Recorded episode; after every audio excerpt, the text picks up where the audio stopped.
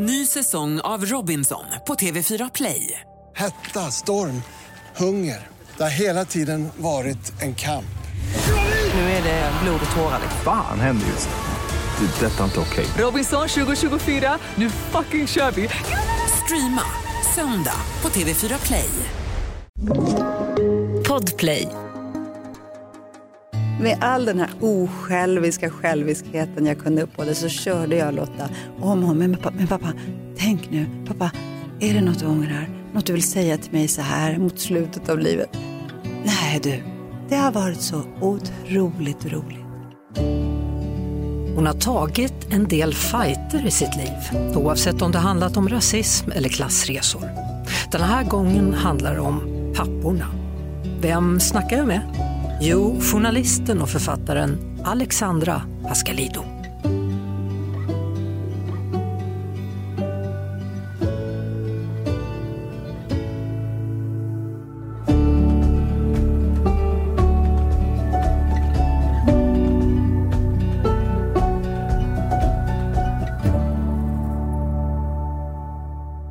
Välkommen till podden, Alexandra Pascalido. Tack Lotta Bromé. Du, var är papporna? Det frågar du dig i en ny bok. Ja, det gör jag.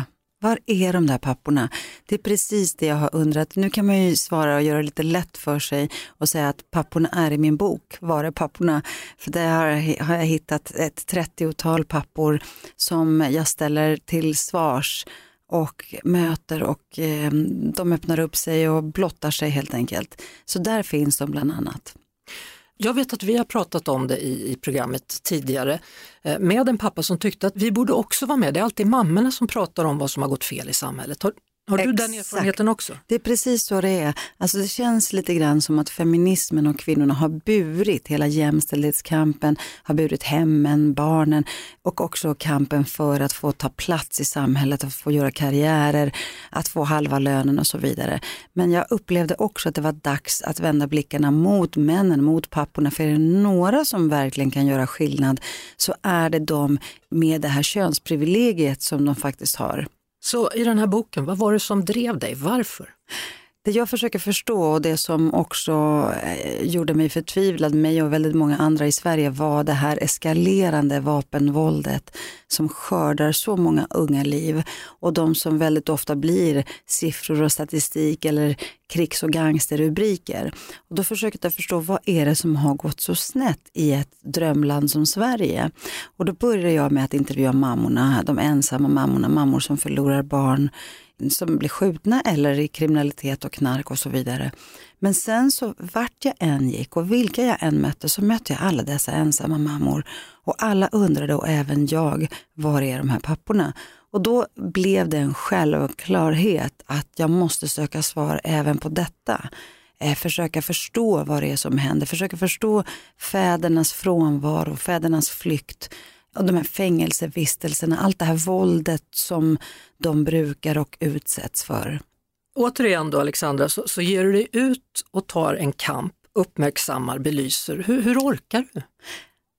Jag orkar inte om jag ska vara helt ärlig. Och efter Mammorna, jag jobbade med den i sju år, jag gjorde teater, jag gjorde tv-serien Mammorna i våldets skugga efter boken och föreläsningsturnéer. Och det var faktiskt väldigt, väldigt hårt att bära deras sorger och deras vanmakt och desperation. Och, och, du vet, vi som är journalister, och det vet du mycket väl, man får ta del av väldigt mycket smärta.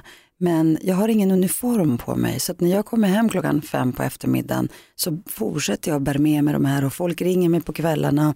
De skriver till mig på Instagram eller sociala medier och det är väldigt många som hör av sig i hopp om att jag ska skildra även deras liv. Eh, och nu har jag precis upptäckt, eftersom jag i princip också parallellt har varit utbränd, men inte riktigt vågat tala om min egen trötthet och min eh, stress och, och så vidare, för att jag alltid umgås och intervjuas med människor som har det betydligt värre. För jag är ändå privilegierad. Så sätter jag på det här uttrycket sekundär traumatisering, sekundär trauma.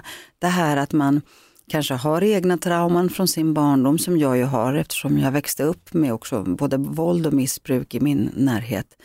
Men också att bära allt det här mörkret eh, och vara, bli en del av det under så många år. Det är ett sekundärtrauma. Så att jag försöker helt enkelt eh,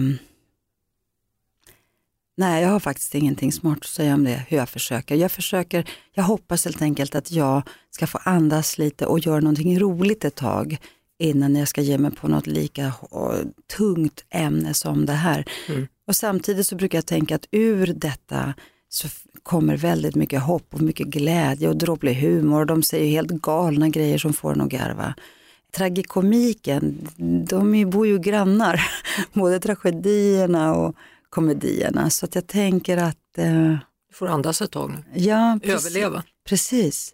Mm. Så jävla slut i rutan alltså. Ja, men hur, hur ska du, alltså, det där ska man ju ta på allvar. Man måste ta det där på allvar. Jag har faktiskt gått till läkare och så vidare och eh, jag, jag, ska ta tag i det, jag ska börja träna, jag ska äta nyttigare, jag ska försöka sova utan att drömma en massa mardrömmar. Eh, och härom natten när jag var på något eh, hotell tillsammans med min dotter som fyllde år så hade jag en hemsk mardröm. Det var ett litet barn, en liten flicka som skrek pappa, pappa, alltså förtvivlat jättemånga gånger och jag tänkte så jag måste vakna, jag måste avbryta den här drömmen.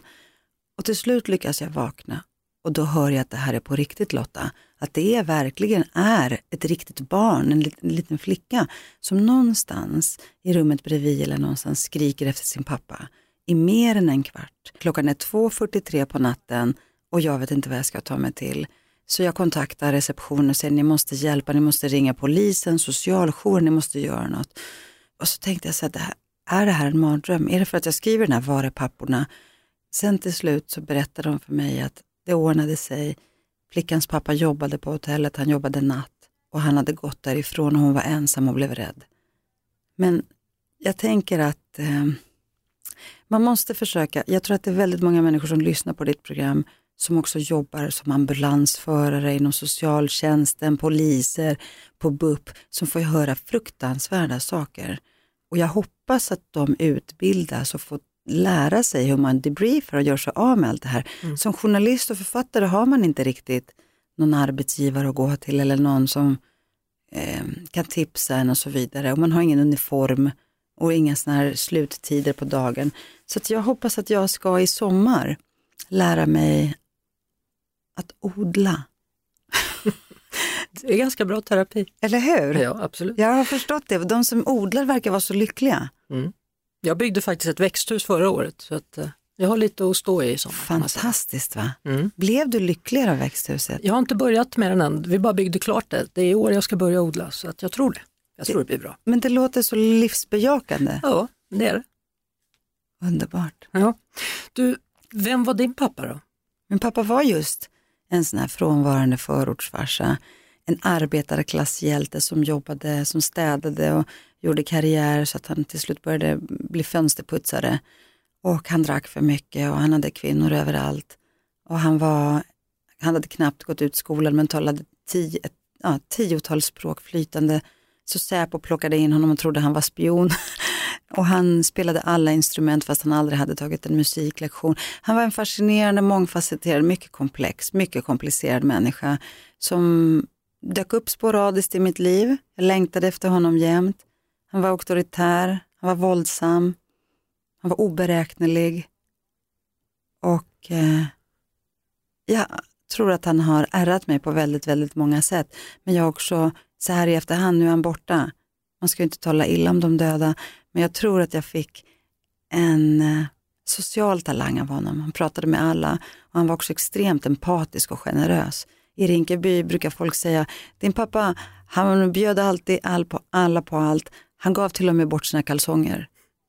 Men, men pratade du någonsin med honom om det här traumatiska som du var med om när du var yngre? Nu går det ju inte för nu är han ju borta, om du inte vill prata till graven. Alltså, jag pratar ju en del med honom fast han inte finns och jag försökte konfrontera honom, jag försökte ifrågasätta honom och han sa alltid, vadå, jag fick också stryk, vadå, min pappa, jag växte upp utan pappa för min farfar, han, han blev mördad i kriget och hans kropp hittades aldrig. Så han hade ju förklaringar att han växte upp utan familj på Europas krigskrossade gator. Han lämnade Grekland där, där liksom under andra världskriget, inbördeskriget. Så han hade ju inte, han var inte han hade inte beredskapen och kunskapen om hur man är som far. Han hade inte resurserna, förutsättningarna. Men oftast när jag mot slutet, det var enda gången jag hade riktigt tillgång till honom när han låg i sängen.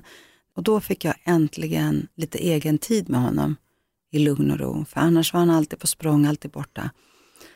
Och då försökte jag fråga honom om det är något han ångrar. Någonting han hade önskat ogjort. Och ibland så bara, jag spelade in honom på min mobil och ibland spår han bara ur och skrek eller kom med några grönslösa berättelser. Men när jag pressade på så sa pappa, är det något du ångrar? Då ville jag att han skulle säga, eller jag förväntade mig, jag var säker på att han skulle säga, jag borde kanske inte ha slagit dig eller dragit dig i håret eller ja, allt det han ställde till med. Och jag pressade och pressade och till slut sa han, då tittade han på mig med sina fantastiska räviga ögon och så sa han så här, vet du vad, jag ångrar ingenting. Jag har haft så fruktansvärt roligt. Då förstod jag att livet är ingen Hollywoodfilm. och helt med all den här osjälviska själviskheten jag kunde uppbåda så körde jag Lotta om och om. Men, men pappa, tänk nu, pappa, är det något du ångrar? Något du vill säga till mig så här mot slutet av livet? Nej du, det har varit så otroligt roligt. Wow. Ja, wow kan man verkligen säga. Ja. Och han lärde mig att eh, man måste vara lite galen i livet och att han lärde mig också att njuta. Alltså den här städaren som le levde som en kung och njöt maximalt. Men han var ju inte den perfekta pappan, långt därifrån. Och det är tack vare honom jag har skrivit om de frånvarande papporna. Ny säsong av Robinson på TV4 Play. Hetta, storm, hunger. Det har hela tiden varit en kamp. Nu är det blod och tårar. Fan händer just nu. Det. är Detta är inte okej. Robinson 2024, nu fucking kör vi! Streama söndag på TV4 Play. Ett poddtips från Podplay. I fallen jag aldrig glömmer djupdyker Hasse Aro i arbetet bakom några av Sveriges mest uppseendeväckande brottsutredningar.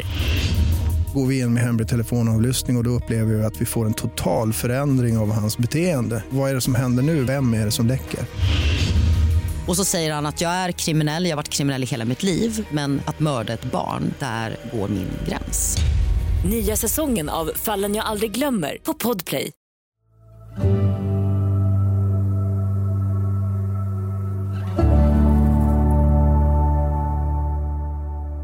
Du har ju intervjuat och pratat med ett gäng papper här. Är det någon av dem som du tycker är en bra, nu gör jag citationstecken, en bra pappa? Hur, All- hur är en bra pappa? Alltså jag har riktigt många bra pappor och jag har pappor som verkligen har totalvänt. Eh, de har gått från att ha liksom gått runt med en kokainpåse hela dagarna och gömt sina rånarpengar i frysen till att ha liksom legat runt och, och åsamkat människor enorm skada och suttit i fängelse. Och sen när de kommit ut så har de blivit exemplariska. Och kanske har det varit för sent för deras relation med deras biologiska barn. För barnen har redan, är, är liksom stora. Men då har de istället blivit fosterföräldrar. Och jag har, jag har en annan, Khalil Osiris från USA som satt i fängelse i 20-25 år. Eh, och, och hans två söner växte upp utan honom. Den ena sonen blev mördad. Eh, och han är verkligen en sån som menar att, och det tycker jag är så manligt och moget och mänskligt, att han säger att jag måste ta på mig mitt eget ansvar. Det var mina val som ledde till att jag hamnade i fängelse och, och jag måste äga mitt faderskap även om det är alldeles för sent. Så man ser att det finns vissa som kommer till insikt och som förändrar sina liv. Och sen är det sådana som har växt upp med frånvarande fäder, riktiga läskiga patriarker ehm, och som blir raka motsatsen. De sätter sina barn på genusdagis och, och liksom är sådär ömsinta och nattar dem. Men vad vill du se framöver då? Jag vill se en radikal förändring. Jag skulle vilja se, alltså jag skulle vilja se pappor och män över hela världen som axlar ansvaret och tar tag i den här frågan och driver frågan om jämställdhet mycket mer. Och då menar jag också så här, jämställdheten i hemmet. Många män beklagar sig också och säger att de är motarbetade av systemet eh, vid vårdnadstvister till exempel. Och de menar också att kvinnorna Eh, dribblar bort dem och tar över barnen. Att kvinnorna inte vill lämna ifrån sig barnet och hemmet till dem, men de vill jättegärna göra karriär och tjäna pengar och så vidare. Så det finns många som menar att feminismen enligt dem har gått för långt och att de är de stora förlorarna. Och det finns extremt mycket agg och vanmakt och vrede kring det här. Mm. Eh, så att jag menar att det vi behöver göra det är att istället för att fjärma oss ännu mer som man ibland upplever i det här polariserade samhället, där vi också ser att kvinnor och män röstar olika och tänker olika och så vidare. Vi behöver liksom samlas och krympa de här avstånden, krympa avstånden mellan liksom det som, allt det som segregerar och separerar. Jag tänker på det här med, med feminint och maskulint. Alltså för mig är det där så på något sätt gammaldags sätt att tänka. Exakt. Men samtidigt så verkar det som att det lever kvar ändå. Alltså det där binära systemet har ju egentligen spelat ut sin roll men inte i stora delar av världen utan i en, del, en liten del av världen där vi är väldigt öppensinnade och progressiva. Alltså jag snackar med mina kompisar i New York som är en rektor på Parsons School of Design som säger att de har 32 könskategorier och var och en får definiera sig som den vill. Så det här binära systemet med han och hon, det är liksom helt... Men samtidigt så är det så här, jag tror inte heller att män är från Mars och kvinnor är från Venus, det här biologistiska. Och jag växte också upp och blev alltid kallad för pojkflicka, att jag är som en man för att jag är stark eller jag vet inte vad. Och det där är också nys. Jag vill kunna vara kvinna och vara stark och driftig och ledande och bestämd och arg. Men, men det vi ser det är ändå att eh, de här männen ändå, de föds med en liksom massa förutfattade eh, eh, meningar och förväntningar där de ska vara machon. Och en macho ska ha pengar, ska betala noter, ska hålla upp dörrar, ska vara lycklig och lyckad, ska vara snygg, ska ha muskler. Alltså det kommer medvetet eller omedvetet kommer hela det här receptet på vad manligheten är. Mm. Manligheten är en mask och de som inte klarar av att bära och upprätthålla status och bära den här masken, de är misslyckade. Vad gör män då när de är frustrerade eller misslyckade? Det enda de har att ta till, det är våld. Det är deras knytnävar. Det är det enda som kan placera dem lite högre upp på den här könsmaktsordningen. Så även om det binära systemet är kört och gammalt så lever det väldigt mycket kvar. Och i synnerhet också i väldigt många andra kulturer som kanske är ännu mer patriarkala. Mm. Som till exempel min grekiska kultur, där jag kommer ifrån. Där vi inte alls har kommit lika långt i jämställdheten som i Sverige. Hur har du påverkats då av att skriva den här boken? Har du fått svar på dina frågor? Har du fått någon ny förståelse för saker och ting? Eller annan förståelse eller ingen förståelse? Alltså jag, jag, är, jag är faktiskt väldigt, väldigt överraskad och förvånad. Jag är förvånad över att det inte har forskats mer på frånvarande fäder och följderna det får och att de faktiskt är en enorm riskfaktor för kriminalitet och våld. Och våldet som börjar i hemmet och våldet som slutar på gatan. Eh, jag blev överraskad med vändningarna och vad de här papporna sa när de var så sårbara och bröt ihop och grät och allt de gjorde som jag inte trodde. Eh, jag blev väldigt eh, skärrad och chockad när jag plötsligt förstod någon som har mördat och det trodde jag inte riktigt. Jag blev också lite så här, oj, världen kanske inte är så svartvit. Då trodde jag ändå att jag har bearbetat mina fördomar generellt men jag insåg att jag alltid har varit rädd för män och också haft ganska mycket fördomar eftersom jag växte upp med en frånvarande pappa och det är inte så självklart för mig att umgås med män på det sättet. Mm. Men så insåg jag att för dem hade inte deras mammor heller alltid varit heliga eller enbart goda. Det går liksom inte att säga att de ensamma mammorna, att mammorna alltid är de goda och papporna som drar är de onda. Så allting blev så mycket mer komplicerat. Mm. Och alla de här ödena som man kan läsa i Var är papporna, de överträffar dikten. Verkligheten är alltid starkare men den är också mer komplicerad. Mm. Så att jag blev, eh, ja det är nästan så att man måste parallellläsa den här med mammorna. Eh, och, och eh, ja.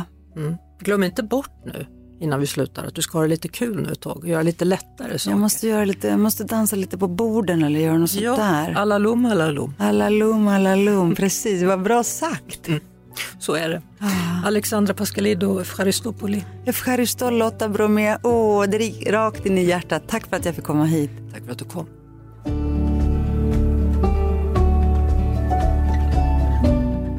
Någon rim och reson måste det ändå finnas. Livet är tillräckligt på allvar som det är, så det gäller ju att hinna le däremellan.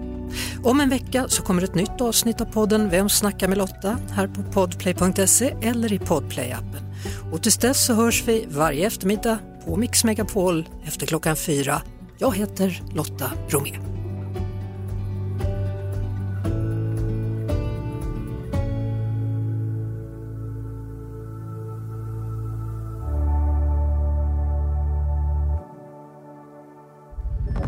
Podplay, en del av Power Media. Ett poddtips från Podplay. I fallen jag aldrig glömmer djupdyker Hasse Aro i arbetet bakom några av Sveriges mest uppseendeväckande brottsutredningar. Går vi in med hemlig telefonavlyssning och, och då upplever vi att vi får en total förändring av hans beteende. Vad är det som händer nu? Vem är det som läcker? Och så säger han att jag är kriminell, jag har varit kriminell i hela mitt liv men att mörda ett barn, där går min gräns. Nya säsongen av Fallen jag aldrig glömmer på Podplay.